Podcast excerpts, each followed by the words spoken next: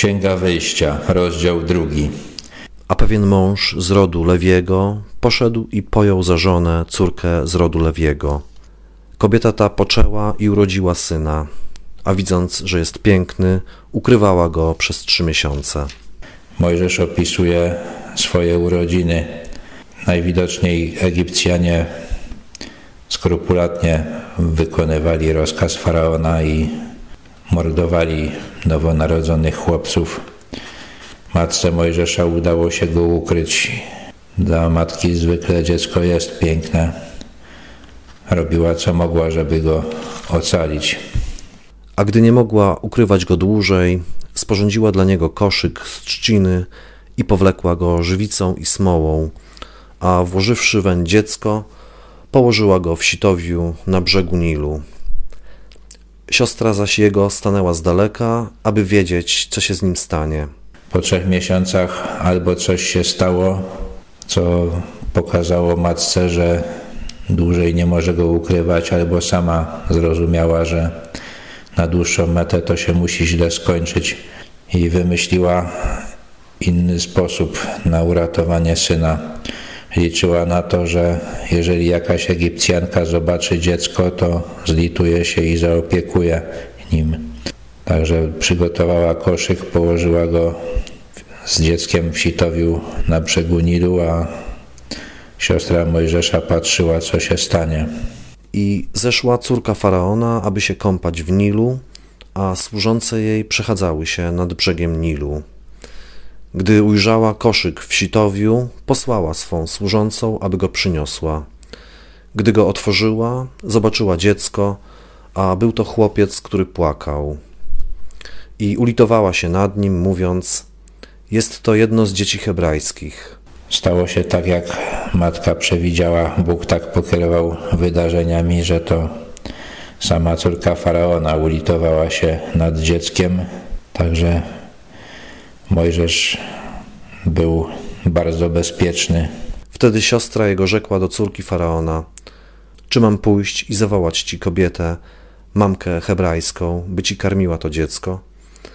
I rzekła do niej córka faraona: Idź. Dziewczyna poszła i zawołała matkę dziecka. I rzekła do niej córka faraona: Zabierz to dziecko i wykarm mi je, a ja dam ci należną zapłatę. Wzięła więc kobieta dziecko i wykarmiła je. No i stało się tak, że matka Mojżesza dalej karmiła swoje dziecko, ale już jako Egipcjanina. Syn był bezpieczny. A gdy dziecko podrosło, przyprowadziła je do córki faraona. Ta zaśmiała go za syna. I nazwała go Mojżesz, mówiąc: Wyciągnęłam go z wody. Gdy dziecko odstawione zostało od piersi, trzeba je było oddać córce faraona. Mojżesz pochodzi od Mosze, czyli wyciągnąć. Zwykle jest tak, że jeżeli mamka karmi dziecko, to nawiązuje się bardzo mocna więź emocjonalna między nią a tym dzieckiem i matka szanuje to.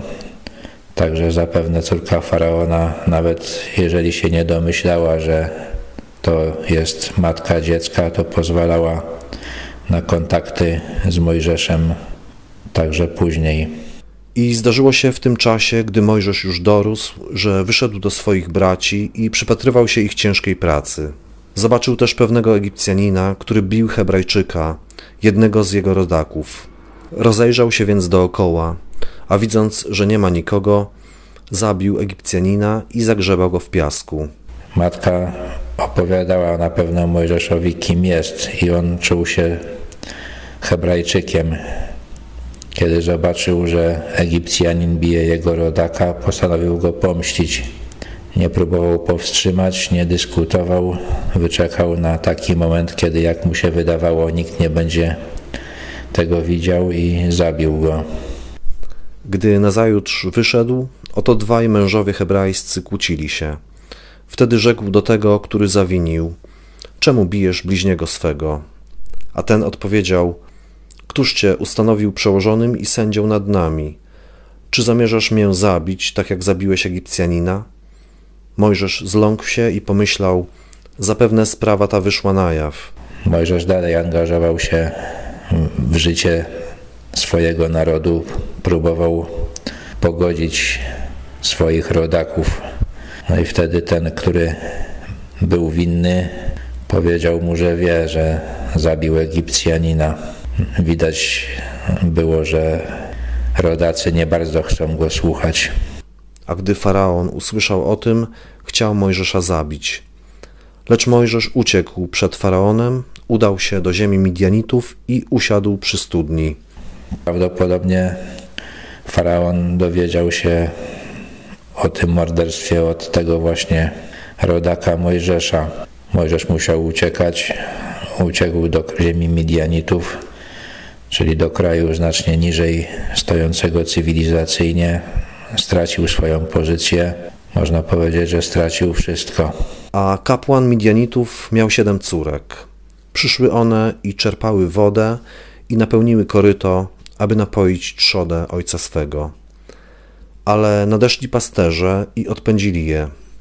Wtedy Mojżesz powstał i pomógł im i napoił ich trzodę. To, co pasterze robili z, z kobietami, nie podobało się Mojżeszowi, było niezgodne z jego poczuciem sprawiedliwości i zainterweniował. A gdy wróciły do Reguela, ojca swego, on rzekł: Czemu to dziś przybyłyście tak wcześnie? No, najwidoczniej córki tego kapłana midianickiego były tak traktowane codziennie. Reguel to znaczy Pan jest pasterzem, Bóg jest pasterzem. No, ten kapłan, chociaż nie był Hebrajczykiem, najwidoczniej wierzył w tego Boga, w którego wierzył też Mojżesz. A one odpowiedziały: Pewien Egipcjanin obronił nas przed pasterzami, nadto naczerpał nam dużo wody i napoił trzodę. Wtedy rzekł do córek swoich: A gdzie on jest? Dlaczego zostawiłyście tego męża? Przywołajcie go, aby pożywił się chlebem. Ojciec czuł się bardzo wdzięczny. Chciał koniecznie poznać tego człowieka, który ujął się za jego córkami. Mojżesz zgodził się pozostać u tego męża, ten zaś dał Mojżeszowi swoją córkę Sypporę za żonę. I urodziła syna, a on dał mu na imię Gerszom, bo rzekł, byłem gościem na obczyźnie.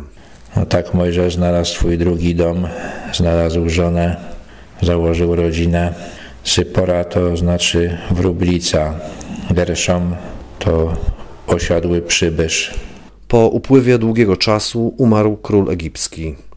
Jednak Izraelici jęczeli z powodu ciężkiej pracy i narzekali, a ich wołanie o pomoc z powodu ciężkiej pracy dotarło do Boga. Umarł faraon, który chciał e, zlikwidować naród izraelski, ale ten, który nastał po nim, prowadził tę samą politykę. Izraelici wołali do Boga o pomoc. I usłyszał Bóg ich narzekanie, i wspomniał Bóg na swoje przymierze z Abrahamem, Izaakiem i Jakubem. I wejrzał Bóg na Izraelitów. Bóg ujął się za nimi. Przyszedł czas, kiedy Bóg ujął się za swoim ludem.